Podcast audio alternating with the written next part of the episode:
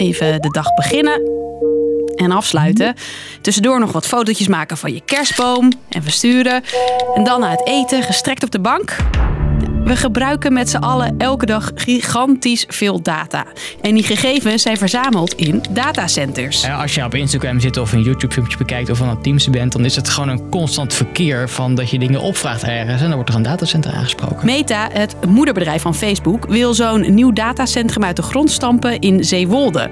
Maar daar is niet iedereen blij mee. Is het wel wenselijk dat we als land zoveel extra stroom gaan gebruiken? En in dit geval dus door die datacenters. Ik ben Hilde en vandaag duik ik in die energieverslindende datacenters die aan de andere kant jouw leven toch ook echt wel weer wat makkelijker maken. Lang verhaal kort. Een podcast van NOS op 3 en 3FM. Ik neem je even mee naar Zeewolde in Flevoland. Hier aan de rechterkant van me zie je een groot groen veld. En dat loopt zo ver als dat je kunt kijken. En op dat groene veld, zo'n 166 hectare, ofwel 245 voetbalvelden, daar moet dus het nieuwste gigantische datacenter van Facebook komen. Vertelt een wethouder van Zeewolde. Het wordt uh, heel groot. Uh, voor, denk ik, voor Nederland, uh, voor Flevoland en voor Zeewolde is dit niet wat je dagelijks doet. In Nederland zijn nu drie van dit soort hyper hyperscale, ja, zo heten ze, datacenters. Dat worden er meer. Microsoft bouwt er eentje in Noord-Holland, de tweede van het bedrijf in ons land. En als het aan Meta ligt, komt er dus ook eentje bij in Flevoland. En dan gaat het dus over enorme hallen van 20 meter hoog, 70 meter breed en 400 meter lang. Dat is de buitenkant.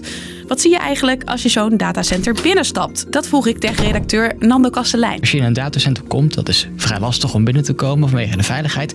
Dan zie je eigenlijk lange rijen met kasten, het is eigenlijk heel saai, die vol staan met computers waar al onze data op staat. En ja, hè, we gebruiken steeds meer internet, het is steeds belangrijker geworden. Dus die datacenters zijn steeds harder nodig. Er zijn datacenters in allerlei soorten en maten. In Nederland staan er zo'n 200. Techgiganten als Microsoft en Facebook willen graag een plekje in Nederland voor zo'n supercentrum. Waarom? Legt deze hoogleraar elektriciteitsvoorziening uit. Omdat we in Nederland een hele goede IT-infrastructuur hebben. Uh, we zitten natuurlijk aan de kust, dus allerlei intercontinentale datakabels die landen aan in Nederland en bijvoorbeeld niet in Oostenrijk of Zwitserland. Nou, daar wil je dan natuurlijk zo kort mogelijk bij zitten met je datacenter. En daarmee komen we bij het volgende punt: stroomgebruik. Datacenters zijn gigantische energieslurpers. Om de servers voor Facebook, WhatsApp en Insta te laten loeien, is zo'n 1380 gigawattuur aan elektriciteit nodig per jaar. Dat zeg je misschien nog niet zoveel, maar dat is dezelfde hoeveelheid stroom die de NS in een jaar tijd gebruikt om al zijn treinen te laten rijden. Of evenveel als het stroomgebruik van 460.000 huishoudens. En die stroom die moet dus ergens vandaan komen. Meta zegt groene stroom te willen gebruiken. Onze klimaatredacteur Helene Ecker zocht uit hoe dat dan kan worden opgewekt. En dan zijn daar ongeveer 115 windturbines van 4 megawatt voor nodig. Of 14 vierkante kilometer aan zonnepanelen. En dat zijn dus 115 enorme windmolens die nergens anders voor kunnen worden ingezet. Voor één datacenter dus. En de komst van windmolens en zonneparken leidt al vaak tot discussie. Niet iedereen zit te wachten op zo'n ding in zijn achtertuin. Tegelijkertijd levert een datacenter ook energie op restwarmte.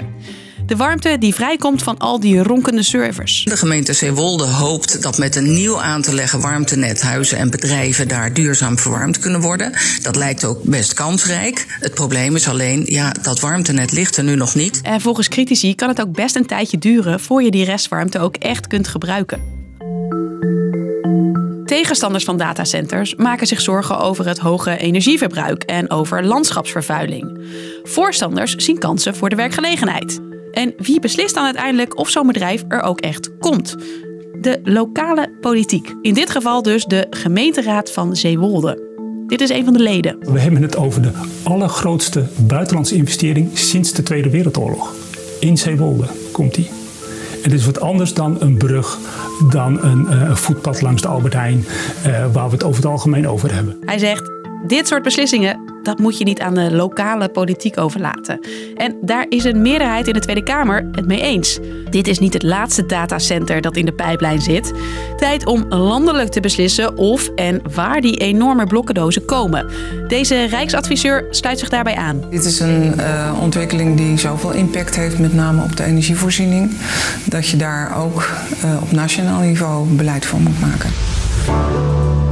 Dus, lang verhaal kort, ook jij hebt vandaag waarschijnlijk weer gebruik gemaakt van een van de vele datacenters in ons land. Ze zijn onmisbaar, maar slurpen ook een gigantische hoeveelheid energie. En hebben daarmee ook invloed op de hoeveelheid energie die we in Nederland moeten opwekken. Dat was hem weer voor vandaag. Mijn energie is op.